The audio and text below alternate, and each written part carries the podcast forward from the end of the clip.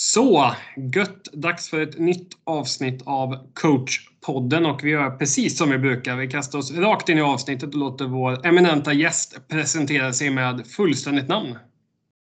Ludvig Per Johan Bengtsson. Ålder? 29 år. Bor?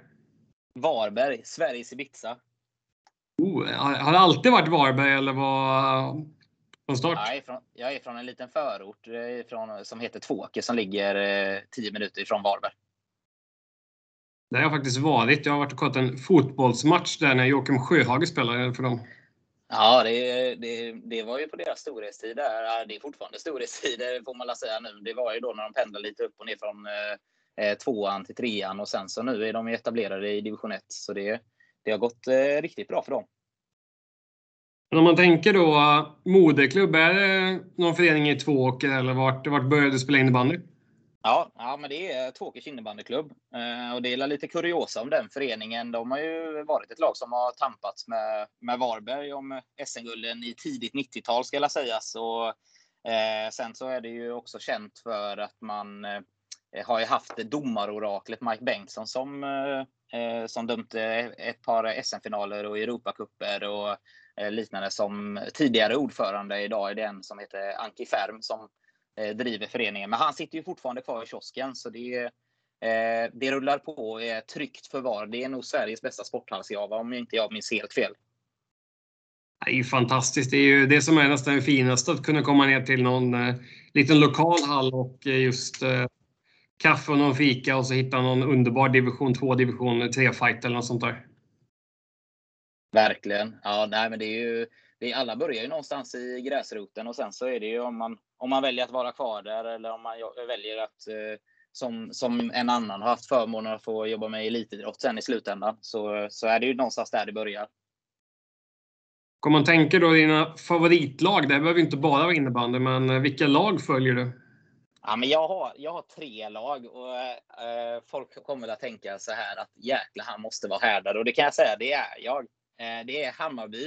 Eh, vi har haft, eh, man har ju haft sitt SM-guld där 2001 och sen så har det varit lite seriehiss, superettan ett par år och sen upp i allsvenskan och nu är man ju faktiskt med.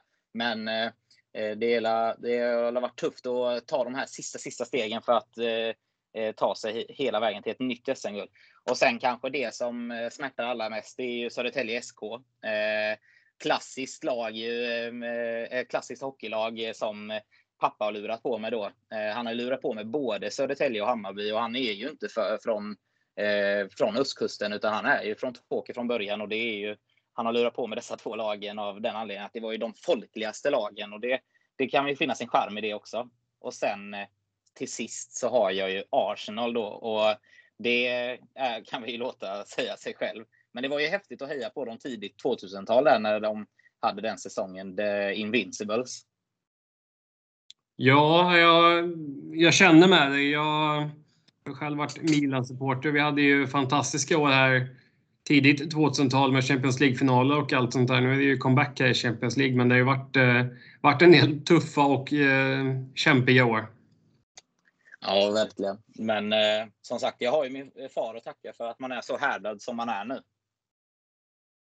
Kommer det också, liksom, följer det med in i ledarskapet någonting att eh, supporterskapet, att man är härdad och det har varit tuffa tider eller liksom, drar du några paralleller därigenom? Ja, det är självklart att man, eh, man drar paralleller. Sen så kanske jag har lite lättare för att släppa de här resultaten som ändå är på distans eftersom man inte är involverad i, i verksamheten i varken Hammarby, Södertälje eller Arsenal. Så, så är det klart att då, då blir det lättare att släppa och gå vidare. Eh, den stora skillnaden när du, när du har engagerar dig i ett eget lag eller processen eh, att, eh, att ta någonting från A till B så är min upplevelse att eh, det tar tid att bearbeta, det tar tid att släppa saker. Men det är någonting som också måste ha sin gång så för att man ska liksom kunna ta nästa steg. Men om man skulle ta upp då innebandyn specifikt här liksom och så. Vad innebär innebandy för dig? Väldigt mycket skulle jag säga. Den har varit både min bästa vän men också min eh, sämsta vän. Och sen så om man i slutändan då kokar ner alla de här upplevelserna och erfarenheterna eh, som idrotten har gett den så har ju varenda timme, minut och sömnlösa, sömnlösa nätter varit värd det. Och om man tänker då att eh, det blir ju något av en livsstil att vara just idrottsledare. Ja, det blir det ju verkligen och det är lite som när Eh, Magnus Svensson slängde med uttrycket eh, när han eh, avslutade sin karriär i Hallands Nyheter så vet jag att han sa någonting i stil med att man har ju sen man började egentligen att kliva in i elitidrotten ätit, sovit och skitit innebandy. Och lite så är ju ett sånt engagemang, framförallt kanske som ledare också när man hela tiden bär ett ansvar för att planera träningar, se till att strukturen finns, också se till att Eh, alla förutsättningarna finns, att spelarna finns. Eh, man jobbar ju med ganska eh, en ganska stor färgpalett av olika ingredienser för att koka ner i en, i en härlig mix som i slutändan blir ett faktiskt resultat då tillsammans med sitt lag. Ja, men precis. Men om du skulle få byta roll då och vara lite åskådare och få gå och kolla på en innebandymatch innebandymatch egentligen oavsett division. Vad, vad är viktigt för dig? Vad är det du skulle vilja se när du går och kollar på innebandy som åskådare? Eh, jag skulle vilja se en innebandy som är eh, händelserik eh, och jag tror att för det då så behövs det dels ett högt tempo som gör att det skapas många unika situationer. Och sen tror jag även att duellspel är någonting som är viktigt för att man ska få till en händelserik match. Och sen är det ju såklart till fördel om den innebandytekniska kompetensen är att jämföra med elit också. Så vi tänker att spelarna är innebandytekniskt duktiga. Eh, då kan det oftast bli eh, riktigt, riktigt roligt att titta på. Eh, men jag, jag, jag skulle vilja säga att också de här parametrarna som jag nämner, eller saker också som är viktiga att ha för att skapa energi på plan men också även runt omkring plan. För det blir ju någonstans ett smittotillstånd där det som händer på planen smittar av sig till publiken. Publiken blir engagerade. Spelarna får energi av publiken. Så jag tror att det är ett, liksom, ett flöde som, som är konstant eh, om man får till det. Och om man då tänker att vi skulle vilja få fler lag och spelare som kan spela den här typen av innebandy, beskriver teknisk kompetens och lite sånt där. Men vad säger du, vad skulle våra barn och ungdomar behöva träna mer på för att kunna spela just den här typen av spel som du beskriver?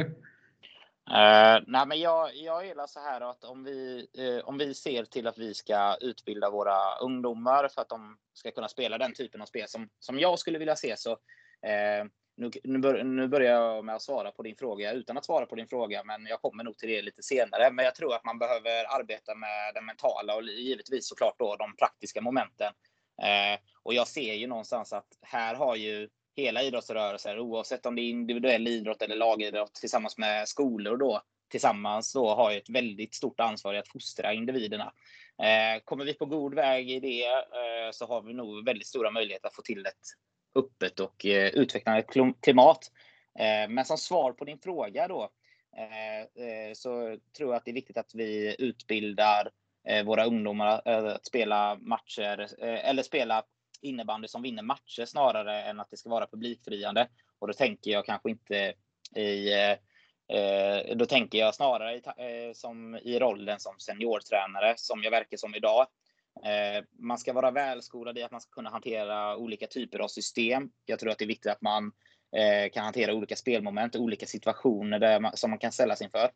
Eh, och min min känsla är någonstans att när jag, när jag nämner de här sakerna att det är oftast att man slänger med de här uttrycken att ja, men vi ska spela en innebandy med hög fart och frenesi och utanför den sakens skull så bör man inte vara så framgångsrika i det. Eh, men jag tror också att vi behöver utbilda våra ungdomar i att kunna spela kollektivt och individuellt. Att man, dels att man kan förlita sig på att eh, man får ett bra samarbete med de fem andra spelarna som har i laget, men också att man individuellt eh, i det speltekniska eller om man ser till speluppfattningen ska kunna utveckla sig och ta sig vidare. Ja, ja, men sen så är det det som jag brukar komma till när man pratar i de här. Det blir oftast högt och brett. Jag, kan inte säga om man liksom ska träna mer slagskott eller mer dragskott eller tvärtom, men jag tror liksom man behöver träna på olika spelmoment och olika typer av system. Eh, sen tror jag att vi kommer, vi kommer alltid behöva den här kvantitativa träningen och av teknik som är liksom bra för att bli bättre i det enskilda tekniska momentet. Eh, men vi behöver också därefter sätta in det i ett sammanhang där vi får kombinera det med att göra det i fart, under press, få känna på när vi gör rätt, när vi gör fel.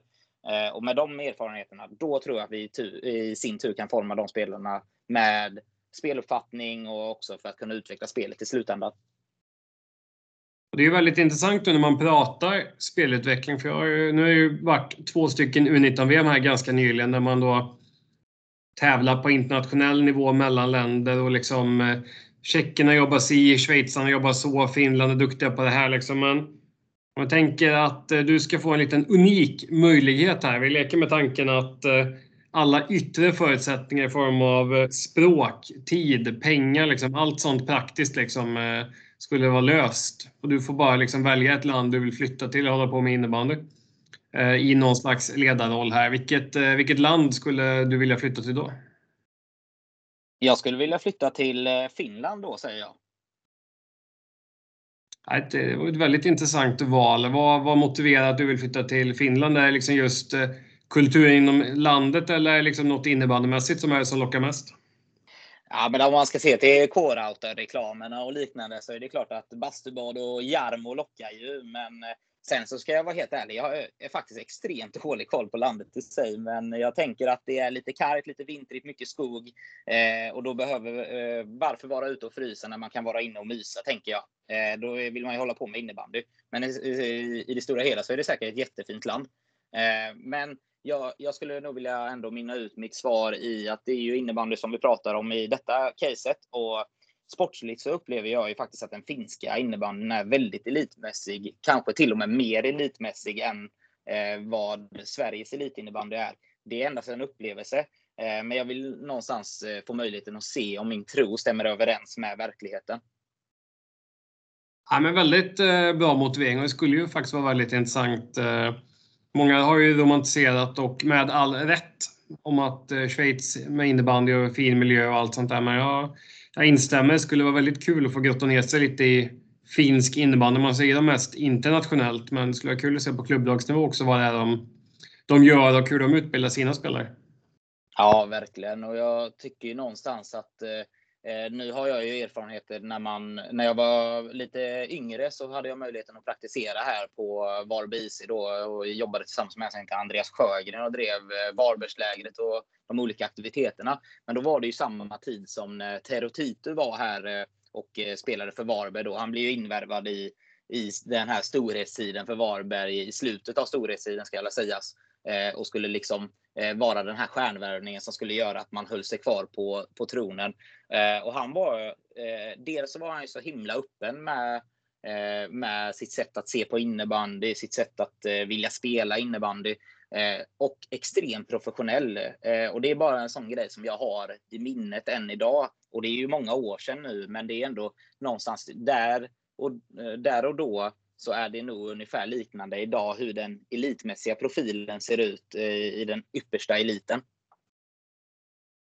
Ja, för det är ju väldigt intressant också när man kollar på yppersta seniornivå att eh, på damsidan kan man väl med all rätt hävda att eh, Vera Kauppi som kanske är Finlands eh, största fixstjärna eh, kanske även är världens största stjärna. Jag tycker även på här sidan skulle man kunna motivera att eh, det är finska spelare som är uppe på på tronen där i form av det är väl tycke och smak. Men Savonen, Kottilainen eller Niko Salo kanske är de som ligger längst fram bland spelare. Så det skulle vara kul att se mer vad de jobbar med på barn och ungdomsnivå och liksom hur de har utvecklat de spelarna.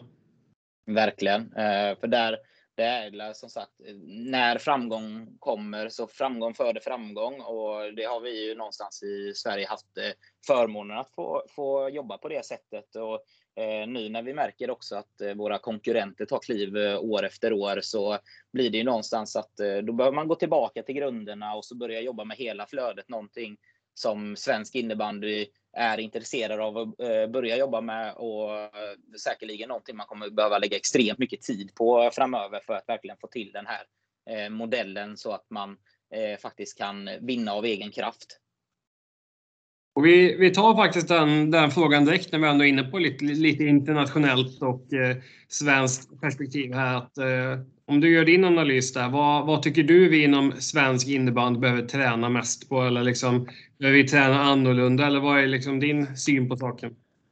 Ja, nej, ganska tråkigt svar, men eh, dels så är jag inte tillräckligt insatt i andra lagtränare. Men det jag kan säga från att ha arbetat med ungdomar till senior eh, är att eh, jag upplever att man eh, jobbar väldigt olikt varstans man, man än befinner sig egentligen. Exempelvis så eh, är det en upplevelse att eh, en gräsrotsförening jobbar lite mindre med struktur och utvecklingsplan kontra en större förening, till exempel en elitförening. Då. Och jag, jag tror att en del kan ju säkerligen handla om att de här större föreningarna har möjlighet att arvodera sina tränare i djupare ner i organisationen än vad de här gräsrotsföreningarna har. Gräsrotsföreningarna är ju kanske de som fokuserar på seniorverksamheten vad gäller liksom att avlöna eh, tränare och spelare och då, då, tror jag någonstans att då hamnar ansvaret i slutändan på eh, föräldrar slash ideella eh, som för den sakens skull inte ska liksom behöva ursäkta sig för att göra ett dåligt jobb utan snarare tvärtom. Det är ju de som står för uppfostran av de spelarna som vi faktiskt får upp i eliten idag också. För alla föreningar runt om i Sverige är ju hur vi än vrider och vänder på det inte eh, på elitnivå. Men eh, de, eh, på något sätt så lyckas de ju att få fram de här yngre spelarna till elitföreningarna i slutändan. Så det jobbet med ideella och föräldrakraften är ju minst lika viktig. Men jag tror att på sikt för att vi ska kunna utmana i större utsträckning, dels liksom internt då i Sverige, så behöver vi någonstans kanske Eh, få fler som kan jacka in i det här. Att man kan avsätta tid för engagemang och faktiskt ge förutsättningar att utveckla genom att ha en röd tråd i sina organisationer. Men om vi går från då den eh, internationella scenen till eh, lite mer lokala spåret här och din egen ledarresa som är väldigt intressant att få grott ner sig lite extra här och om Första tänker jag att du ska få beskriva dig själv, vem du är som coach och liksom, vad har du för spelfilosofi och liksom, vilken, vilken prägel är på dina lag?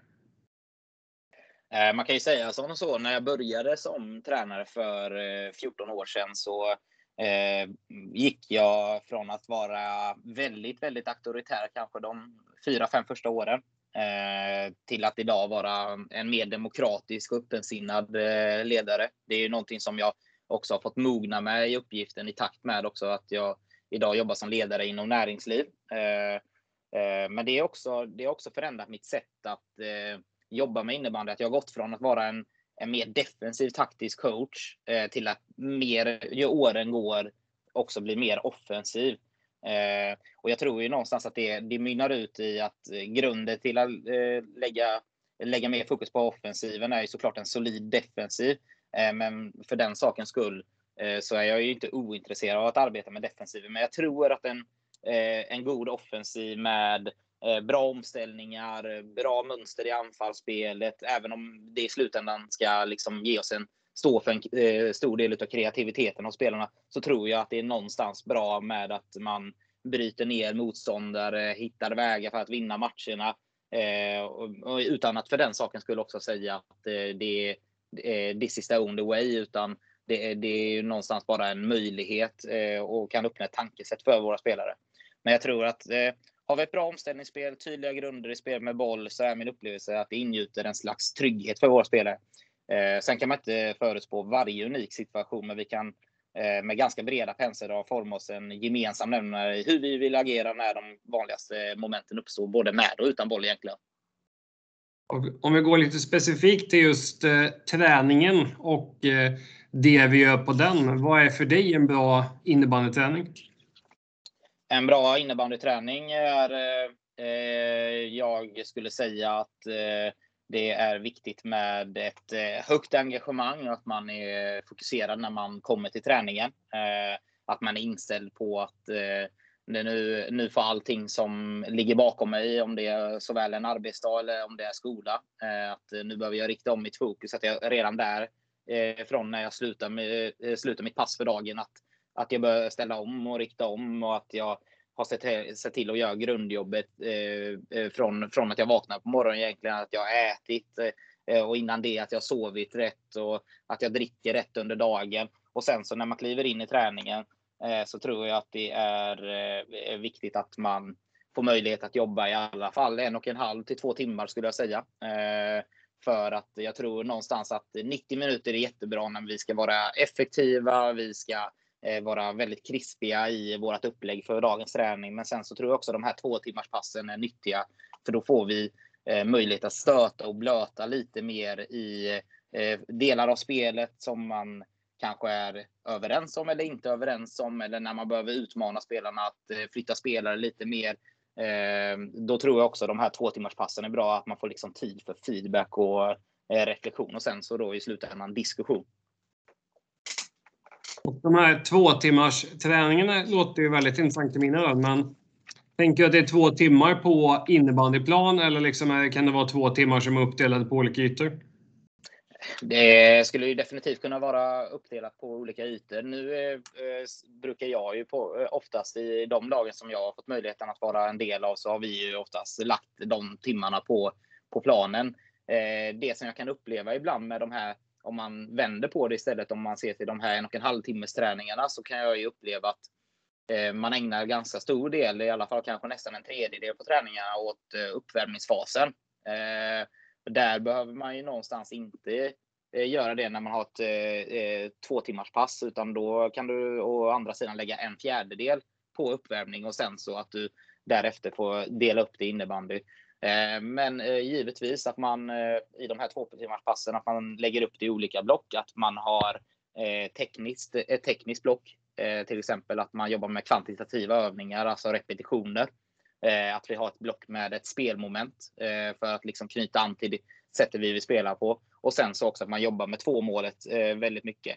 Och jag skulle säga att de två sista delarna är ju de som jag premierar att lägga mycket tid på eh, när man jobbar med seniorer.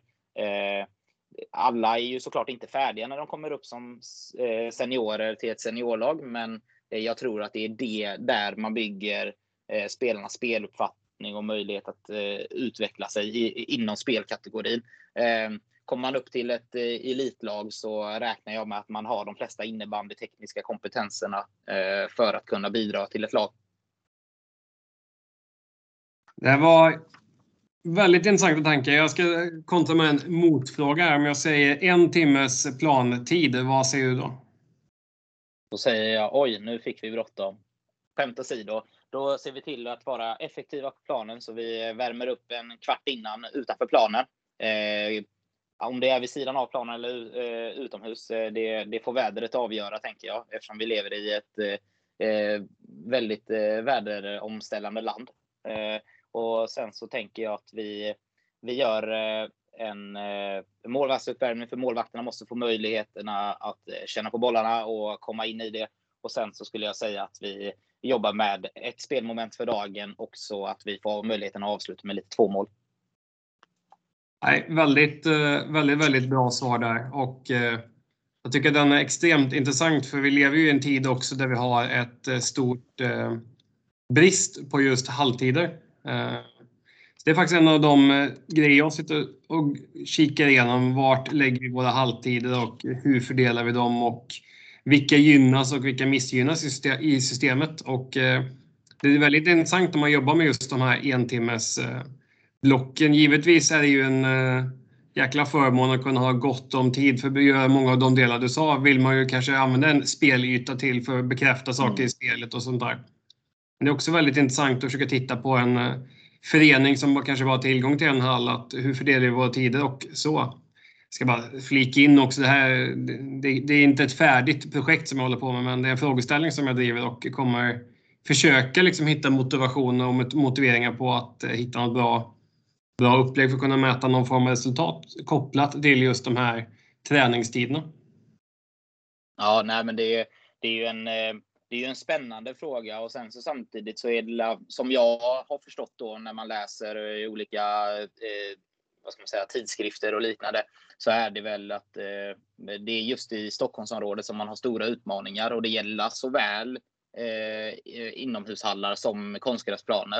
Eh, och jag vet ju om man ser här till närområdet då i Halland så eh, har vi nu på sikt så har vi en hyfsad, eh, en hyfsad eh, hallsituation skulle jag nog ändå säga. Nu vet jag att man på sikt eh, ska bygga en ny inomhushall i Träslövs läge eh, som har spelat med sin gamla hall väldigt, väldigt länge.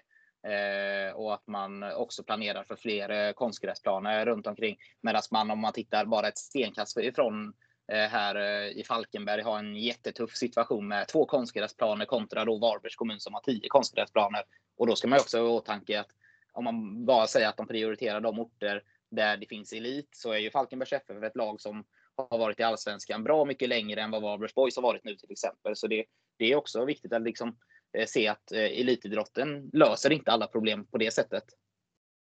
Exakt. Ja, men det, är, det är väldigt intressant att försöka titta på, på de bitarna. För jag tycker att i väldigt stor utsträckning har vi fastnat också inom innebandy just i en vald sanning att ett lag på mellan 15 till 20 personer ska träna på en fullstor 20-40 hall minst en timme, helst en och en halv, även från 12 års ålder. Så jag tycker det är, det är väldigt intressant om man går runt och tittar. Nu har vi förmånen på IFE här att det finns ju fem planer så man kan ju gå och kolla rätt många träningar samtidigt och konstatera också att vi öser bort väldigt, väldigt mycket träningstid på vissa saker. Eh, tycker bara intressant, som du bara nämnde kort här, målvaktsuppvärmningen. Eh, jobbar ju väldigt ofta så att eh, vi värmer ju upp utanför plan och sen så, så fort vi kliver in innanför sargen och har vårt entimmespass, då ska allting vara liksom uppe i Eh, en utmanande nivå. Så jag jobbar väldigt sällan med någonting som jag kallar för uppvärmningsskott utan däremot flyttar vi skotten så att de är så pass långt ut så att utespelarna får ta i i princip allt vad de kan för att få bollen fram till mål medan det blir då lite lösare bollar för målvakten som sen ökar successivt. Liksom. Så istället för att skjuta löst med flit så skjuter vi hårt fast långt utifrån så att det blir samma effekt fast en lek med ord just att eh, allting innanför plan ska vara liksom påkopplat och ta i ordentligt. Liksom. Ja, men det är ju faktiskt ett, eh, ett bra sätt att eh, se på det. För någonstans som det du är inne på så vill man ju inte komma ifrån att göra momentet ordentligt utan snarare liksom att man vill skapa olika förutsättningar för att då i detta fallet eh, göra så att målvakten successivt får komma in i det, men även också att utespelarna får utmanas i att skjuta lite längre ifrån.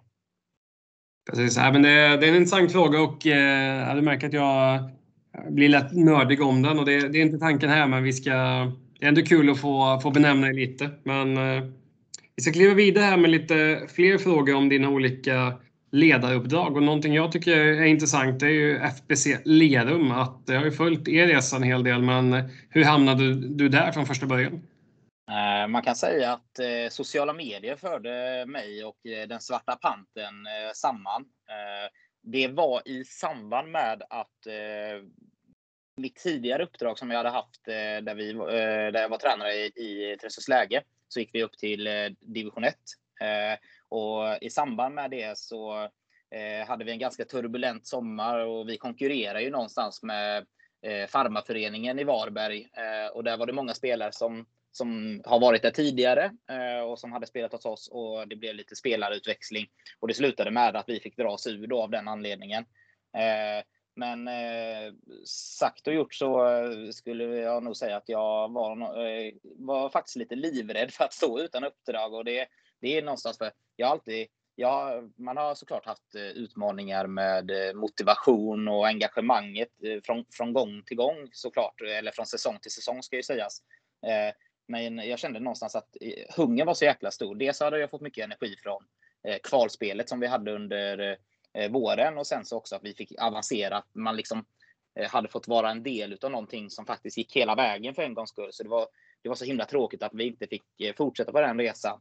Eh, och eh, jag har ju alltid haft en ambition om att jag eh, det är lätt att jag eh, använder termen elitidrott ofta, men det är någonting som har varit väldigt viktigt för mig att, att sträva mot. Att jag vill jobba inom den kategorin som har så pass bra förutsättningar att man kan få möjligheten att tävla och eh, spela mot de bästa. Eh, och jag kände lite någonstans då att det höll på att glida mig ur, ur händerna. Skulle det vara så att det blev ett ofrivilligt sabbatsår. Eh, och jag tror också att eh, rädslan för ett sabbatsår var också att ja, men då kanske jag hittar andra intressen. Eh, men det, det, är ju innebandy jag har profilerat mig. Det är ju där jag har byggt mitt varumärke om man säger i in, i Varberg och i mina vänskapskretsar att det är liksom det de kommer ihåg mig som. Det är ju innebandytränaren Ludvig, eller han som är engagerad i innebandy. Eh, och då kände jag ju någonstans bara att eh, eh nej, men vad fasen, eh, vad ska jag ta mig till och så vidare. Men hipp som happ så hörde ju faktiskt Anton Olofsson av sig och eh, han hörde av sig via Twitter Eh, det är ju sällan man använder den plattformen för att integrera mer än att man svarar på någons tweet eller retweet eller, eller gillar. Man skrev faktiskt ett eh, DM eh, och samma vecka hade jag varit och hälsat på en annan förening faktiskt, ska ju faktiskt tilläggas. och den låg, den låg på samma nivå som Lerum då, som hade trillat ut från Allsvenskan och skulle spela i division 1.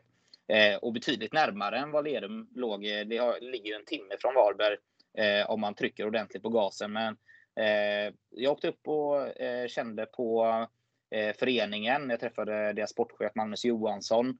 Eh, jag fick möjlighet att eh, sitta ner med Anton eh, nere i någonting som vi kallar i Rydsbergshallens basement.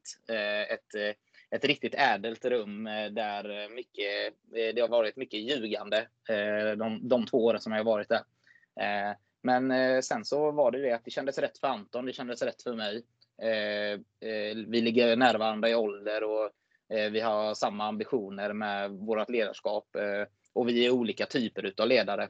Så då, då, kände vi att ja, men vi, vi, vi testar och kör fram till jul och så stämmer vi av därifrån. Så det var på den vägen. Du nämnde att ni hade lite olika egenskaper och så. Men vad var din roll i det samarbetet? Eh, jag skulle säga att min roll i samarbetet eh, är att eh, Anton hade ju såklart ett helhetsansvar eftersom han var huvudtränare. Men vi, också initialt då så delade vi på en hel del uppgifter. Anton testade ju säkert mig med att kasta över vissa ansvar, till exempel som powerplay, frislag, boxplay och så vidare. Att jag liksom fick möjlighet att liksom testa mig fram i det liksom och också så att det stämde överens med hans sätt att vilja spela innebandy. Eh, sen så är ju Anton en, en, en grym taktiker eh, och eh, vi mynnade ut att i eh, min del var att få, också få vara en del och vara ett bollplank i helhetsperspektivet, men också att eh, eh vi hade ansvar för att analysera kommande motståndare. Eh, Anton jobbade mer med vårt egna spel i större utsträckning än vad jag gjorde. Eh, och någonstans eh, allt eftersom så växte ju en tydligare roll fram där det handlade också om att jag skulle jobba mycket med gruppdynamiken, jobba mycket med feedback, individuella samtal. Eh, för vi, eh, jag tror någonstans att för att få med de hårda värdena så måste man verkligen jobba med de mjuka värdena. Nej, och det, är, det är ju intressant just att prata Anton och taktiker i dessa dagar. De, han besegrade ju Storhet EBK med sitt nya lag i Visby här i Svenska Cupen och eh, det var faktiskt många spelare som i samband med matchen hyllade just eh, taktiken och eh, den gameplan de hade fått med sig in i, in i matchen. Jag vet inte, såg du matcherna någonting? Ja, jag fick ju titta i efterhand. Vi spelade ju samtidigt eh, på, eller vi spelade ju samtidigt där på, eh, på kvällen. Eh, så jag fick ju bara kolla highlights till att börja med och sen så fick man tillgång till matchen. Eh, men givetvis så syns det ju att eh, Anton eh, har ett finger med i spelet. Så, så kan jag ju säga utifrån liksom att man, man kan Antons innebandy och sen så också är ju Anton en skicklig tränare på att se till att det blir den här vi mot världen-känsla. det spelar ingen roll om det var FBC Lerum mot Falun eller om, som i detta fallet Visby mot Storvreta som på förhand ska vara en alldeles för svår match för att kunna vinna den. Eller till och med kunna i detta fallet då vinna en matchserie. Eh, men han med sitt sätt att tro och sitt engagemang skapar ju, eh, skapade den tron och eh, framåtsträvan med, med de grupperna som han har jobbat med. Om man tänker då de här åren ni gjorde ihop där, var, var väl två säsonger till antalet där, men hur utvecklades laget under den här perioden? Uh, ja, nej men eh, man kan väl säga att från eh, premiärförlusten mot Skoghall i division 1 då, till krysset i sista omgången mot lagen i våras så, så är resan att vi har gått från klarhet till klarhet. gruppen hade en extremt hög vilja att vilja utvecklas redan när jag kom. sen så någonstans under året i ettan så hade vi en hel del spelare som om man inom, alltså inom situationstecken säger varit med förr eh, som var nyttiga i form av att vi eh, fick mycket hjälp i det hierarkiska. Att vi hade ju faktiskt många unga talanger som spelade seniorinnebandy för första gången. Och i samband med att de fick spela seniorinnebandy så behövde de inte axla alldeles för stora roller utan de fick möjlighet liksom att växa in i det och eh, successivt då när vi tog steget upp eftersom det inte blev eh, något eh, kval Eh, så slutade många av dessa spelarna eh, i samband med att vi flyttades upp. För de var nöjda med att spela på division 1 nivå och den naturliga, vad ska man säga, spelaromsättningen skedde då. Eh, och det blev ju också att då fick ju våra spelare i Lerum då, sen när vi spelade Allsvenskan, vad ska man säga? De fick möjligheten att växa in i det i den allsvenska kostymen, men på ett naturligt sätt för att det var ju faktiskt de som skulle stå längst fram i hierarkin då, trots att det var ett ungt lag. Och första säsongen i Allsvenskan, hur liksom upplevde ni den från eh, tränarsidan? Var liksom motsvarade den förväntningen eller vad, vad var er liksom, analys av den? Eh, hösten var eh, bra. Vi upplevde att eh, vi, eh, vi gjorde det som vi på förhand hade förväntat. Eh, de förväntningarna som vi hade eh, infriades allt eftersom. Eh, sen visste vi också att eh, det skulle ta ett par matcher att växa in i den allsvenska kostymen medan vi, om man ser efter nyår där, så fick vi ju faktiskt eh, stäm i det mesta och vi började ju plocka ganska många trepoängare på raken. Jag kommer inte ihåg exakt hur många det var till antalet. Men Eh, vi skulle ju vara som bäst när, vi, när det skulle dra ihop sig till ett kval. Våra, våra målsättning var ju inte att liksom vara nöjd med att eh, ha etablerat sig som nykomling, utan vårt mål var ju faktiskt att ta oss till SSL-kval. Eh, och också eh, den allra tydligaste målsättningen var att inför sista omgången så ska vi ha det i egna händer att kunna avgöra på bortaplan mot Lagan och knipa eh, SSL-kvalsbiljetten. Det var vår målsättning. Jag kommer att tänka då liksom nu, nu när vi är tillbaka i Varberg här, men om du skulle ge på innan vi går över på det, men utvärdera din tid i Ledum. Hur mycket har den betytt för dig och hur mycket utvecklades du under den här tiden? Eh, de två åren som jag hade i Lerum är nog de åren som har gett mig mest under min tid som innebandytränare. Eh, dels så eh, hade jag en ny roll inom näringsliv där jag fick jobba som ledare för ett försäljningsteam. Och samtidigt så fick jag jobba med människor då i form av då att få vara en del av FBC Lerum. Och det var nog under dessa åren som poletten trillade ner att det jag gör på jobbet i det dagliga är det jag också gör på kvällen och tvärtom. Att den poletten trillade ner eh, och att eh, när den insikten kom att fasen, jag hade ju, jag har ju så grym möjlighet att få eh, göra någonting eh, eh eller träna på och bli riktigt bra på någonting. För jag kan ju träna till exempel i ett medarbetarsamtal, att ställa frågor på det de säger. På samma sätt kan jag göra det och utmana våra spelare i det vardagliga. Eh, så jag skulle säga att de här två senaste åren är någonting som eh, speedat upp utvecklingen i det personliga också. Att jag fått självförtroende att veta eh, hur jag ska jobba med både äldre spelare, yngre spelare, äldre medarbetare, yngre medarbetare. Och om man tänker då att nu är du tillbaka i, i Varberg och nämnde att du är född upp strax utanför Varberg. Men vad betyder Varberg för dig? Eh, Varberg som förening är ju där jag startade min tränarkarriär som 15-åring. Eh, jag tror inte det var någon som trodde att jag skulle fortsätta efter första säsongen för Eh, det, det, det, är en ganska eh, rolig och unik historia i sig, men det var ju att man gick ju i eh, grundskolan, eh, om jag inte minns fel. Man kanske gick i gymnasiet. Oavsett vilket så eh, eh var det ju att eh, man hade ju klasskompisar och det, vi, hade, vi hade ett lag i Varberg Eh, som spelade för en annan förening då. Eh, eh, men så hade vi också ett gäng utomstående tjejer som ja men fasen kan inte du hjälpa oss att starta upp ett innebandylag i, i Varberg IC. Det hade varit så himla kul att börja med innebandy. Eh, det var ju tidigare ett eh, gäng fotbollstjejer då som de skulle kliva upp i senior, men de ville ändå göra någonting i ungdomsväg så att hålla kvar den här kärngruppen. Eh, sagt och gjort i alla fall, så jag ställde frågan till Varberg och hipp som happ så fick vi eh, möjligheten att starta upp eh, ett lag med tjejer som aldrig hållit i en klubba. Eh, och i det då så eh, fick vi efter jul fick vi komma in i en B-lagsserie. Och vår första match och min första match som tränare slutade i 35-0 eh, mot eh, Halmstad innebandyklubb.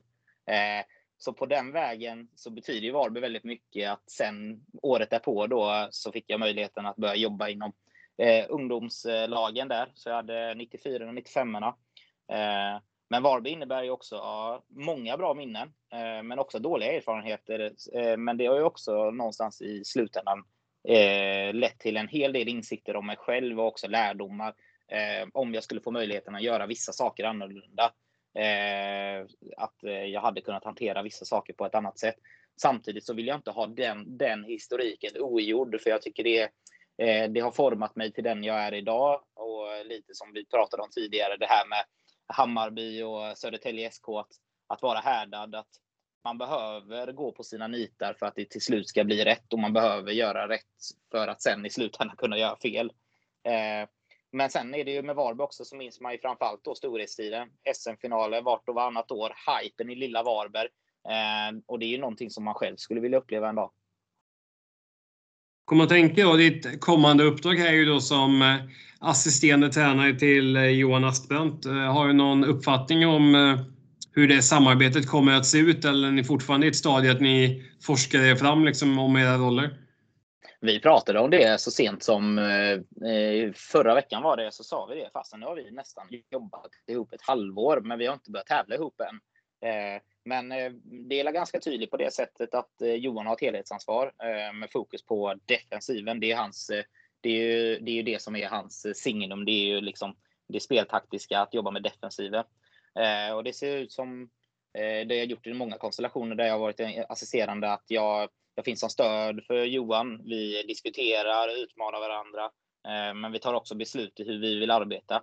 Sen vecka för vecka så lägger vi upp det hur vi skulle vilja att veckans fokus ser ut. Eh, och det, veckans fokus kan ju vara någonting som eh, ändras beroende på vilka vi möter, om vi har matchledigt och så vidare. Så vi, så vi har alltid en avstämning i slutet på veckan hur vi vill att nästa vecka ska se ut och vad vi har för ambitioner med den. Eh, och sen så är det så att eh, utifrån de erfarenheterna så, så formar vi också nu just nu ett samarbete. Men eh, om jag skulle säga att jag jobbar lite extra med någonting så lägger jag lite mer krut på det offensiva och där är det ju mycket liksom att det kommer inspel för att jag har mycket, jag har mycket förhandsinformation på lagen i allsvenskan, vilket Johan saknar så han tidigare endast har eh, arbetat med SSL. Eh, och sen så kommer jag ha ett ansvar i scouting av våra motståndare då. Vad kommer man tänka då den eh, kommande säsongen, att, eh, hur ser lagets målsättning ut då? Eh, vi ska utveckla vårt lag. De ska bli bättre för varje träning som går. Eh, både innebandypraktiskt men även mentalt. Att den ryggsäcken med kompetens som de kommer hit med ska vi fylla på träning för träning. Utan att för den sakens skull att den ska bli tyngre. Och sen så också att vi ska bygga en kultur som andas elit och tävlingsmentalitet. Eh, det är någonting som är extremt viktigt och en kultur som har funnits i Varberg. Den, den finns där lite vilande, men vi behöver plocka fram den lite igen och eh, få till det med den truppen som vi besitter idag, som är också en yngre version av Varberg, kanske den yngsta på eh, ett par år här. Eh, och skulle vi se till delmål så är det ju att eh, eh det är inget att hymla om. Vi behöver ta de här eh, cirka 40 poängen som krävs eh, och gärna mer till då Eh, för att ta sig till ett SSL-kval. Och väl där så är ju svaret enkelt vad målsättningen är. Men eh, utan att för den saken skulle jinxa det så nämner jag inte den. Men om man tänker då, det är lite speciellt att eh, ha en säsong där man kanske planerar för att vara som bäst i ett kval eller liksom Tänker ni i de banorna att man vill liksom lägga upp träningen så det formtoppar eller liksom vill man vara bra hela säsongen och försöka vara uthållig i det? Ja, jag tycker alltid det är svårt det där. Jag, jag har inte... Eh, nu, nu tror jag också att det är så för att innebanden kanske inte, eller i alla fall i de lagen jag har jobbat eh, jag kan inte svara för hela innebandy Sverige, men eh, jag, jag, jag, jag, tycker att det är svårt att mäta om man har fått en, alltså statistiskt sett har man, har man lyckats nå sin formtopp eller hur har det sett ut? Men mina erfarenheter skulle säga att jag tror att det är viktigt att cirka två, tre månader in i säsongen att det är bra att om möjligheten finns till exempel nu när vi har ett VM-år så tror jag att det kan vara bra att bryta ner spelarna fysiskt för att i januari kunna minska belastningen och sen hitta en formtopp, eh, formtopp lagom typ till februari-mars. Eh, och sen så att man spinner vidare på det. Eh, så har jag jobbat med mina tidigare lag. Vi hade ju ett eh, eh projekt i FBC Lerum då när vi hade ett längre uppehåll så kallade vi det för Operation Black Panther då där vi eh, tränade stenhård fys då i division 1 då Eh, för att vi hade ett långt uppehåll. Och sen så åkte vi upp och skulle möta Skoghall borta och så sa vi det bara fasen alltså magkänslan är inte bra. Vi är så ruskigt nedtränade. Mm. Eh, så jag vet inte om spelarna väl kommer orka. Eh, sagt och gjort i alla fall så var det en sån säsong där allting bara gick våran väg och vi var matcher med 9 Men sen så var vi ju det. Vi kände ju verkligen det att när vi skulle gå in i kvalet där efter sista matchen mot Floda så var vi kände vi bara att det finns ingenting som kan stoppa oss. Det, det, det, det handlar bara om eh, eh att göra den, de här matchserierna så korta som de bara går. Eh, vi kommer inte förlora en match och sen så stängde serien ner. Så jag har inte fått riktigt svaret på om vi var tillräckligt redo både mentalt och fysiskt för att kunna gå in i ett kval. Men det är min känsla av att det är så man behöver jobba. Och eh, på tal om känsla och eh, sådana saker så avslöjar jag faktiskt nästa moment här i avsnittet. Jag ska få svara på fem snabba frågor. Och svaret ska ju då vara på just eh, magkänsla och det som dyker upp i skallen. Känner ni Jajamän. Vi kör. Strålande. Första frågan då. Match eller träning? Match. Powerplay eller boxplay? Powerplay. Match på hemmaplan eller match på bortaplan? Match på hemmaplan. Mål eller assist? Jag var ju faktiskt en gammal målskytt, så jag säger mål. Eh, och då är det i de lägre divisionerna ska sägas. Men jag stod alltid på bortre och jag jobbade inte hem så fruktansvärt mycket. Men sen stod jag på bortre och var tillförlitlig målskytt i division 4. Det är väl kanske en lätt fråga i sammanhanget här, men väst eller östkusten? Västkusten. Det är gött. Ja, alltså det är... Jag funderar själv ibland hur jag tänkte när jag bosatte mig här uppe i Uppsala där vi inte har någon kust alls. Det är en timme ut till kusten här men eh, Ja, det får väl korrigeras här i framtiden så man får komma ner till eh, fina västkusten igen här och bosätta sig här på allvar. Det, är ju, det, utmanar ju dig själv nu att du bara ska bli så pass ödmjuk sen när du flyttar tillbaka till västkusten att eh, fasen vi har det bra här. Ja, man har det fantastiskt bra där. Det, Sen bodde jag ju liksom i Borås. Det var inte riktigt ute i kusten där. Man brukar säga det att det är många boråsare som är låtsas kustbor och har stugan i Varberg. Men eh, man är ju inte permanent kustbo om man bor i Borås. Nej, precis. Jag tänker de här fem snabba, powerplay före boxplay, var det en självklarhet? Ja, det skulle jag säga eftersom eh, jag nu, som jag sa tidigare, har gått lite mer eh, mot det offensiva hållet så vill jag nog ändå hålla i att jag är jag gillar en offensiv eh, spelform. Men sen älskar jag ju eh, när man vinner boll i boxplay och eh, drar en som monsterkontring på ett eh, isärdraget powerplay och hänger dit den. Det är också en fin känsla.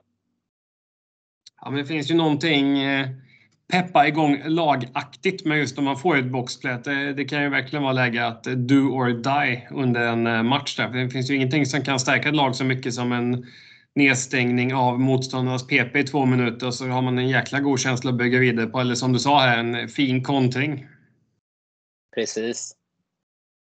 Men nästa moment då, det är ju då det sista för avsnittet. Det är att du ska få plocka ut din egen drömuppställning med då förslagsvis en målvakt, fem utespelare och någon eventuell ledarstab om du vill sätta ihop en sådan också. Hur kände du inför ja. den uppgiften?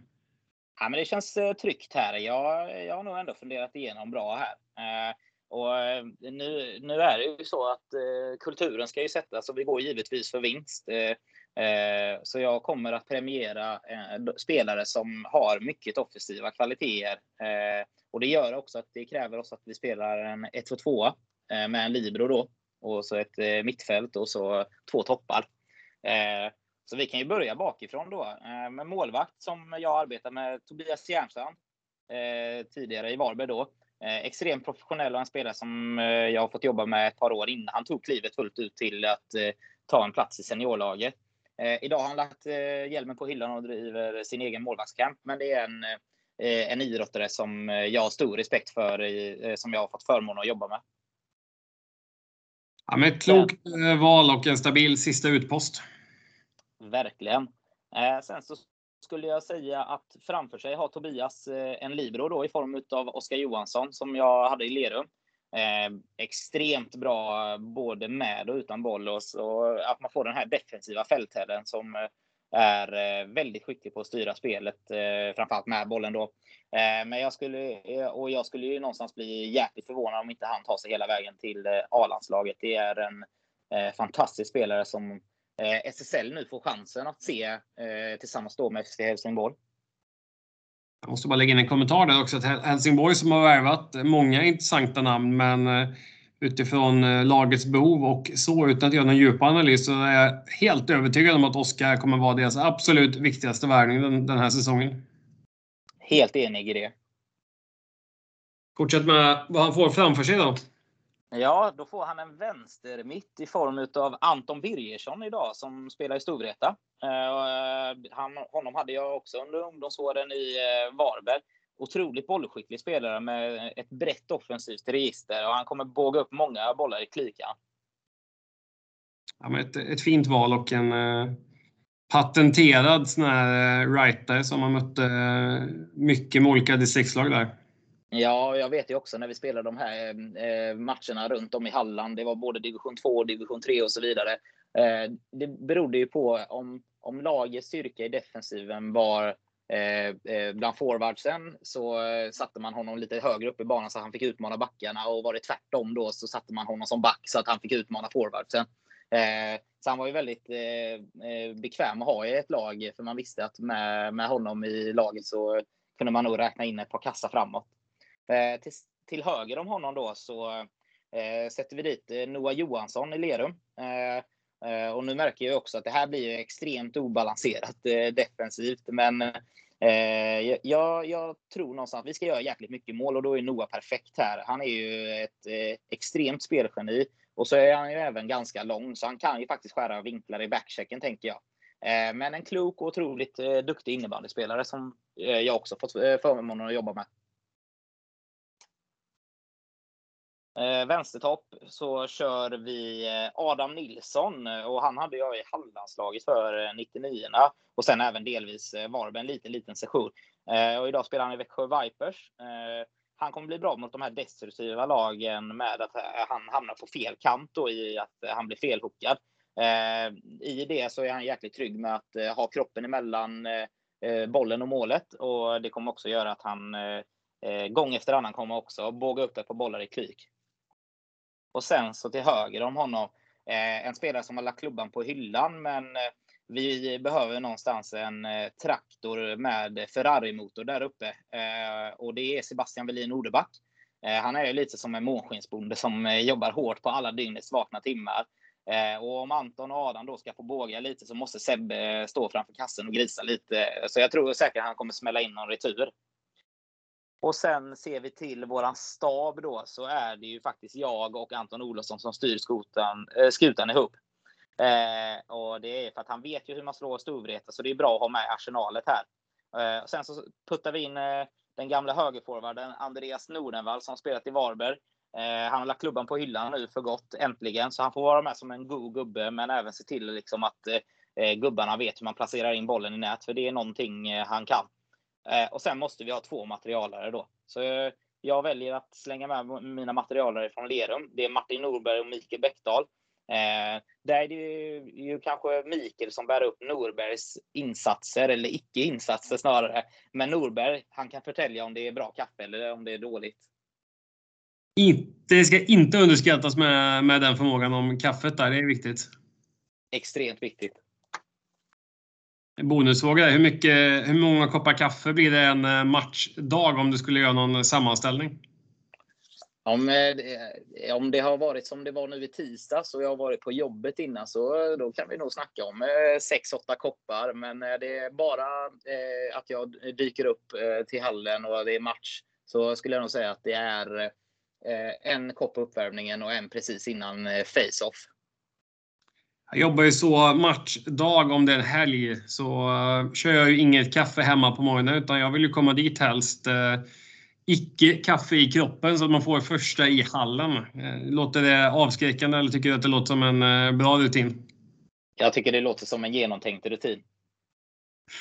Ja, det är underbart. Det bästa jag vet är om det är match klockan 11 också. Det är en tid som alla andra hatar, men jag tycker att det är drömscenariot där. Komma till hallen vid 9, få sig en kaffe och så slutar man ändå så att man har kvällen fri där, men jag vet inte, vilken är din optimala matchtid om du ska lägga drömscenariot? Nej, grejen är ju det om man, om man drar i sig några kaffe på förmiddagen där och sen så har man match på eftermiddagen så drar man ju kanske i sig några kaffe för många om man ser sett till det stora hela.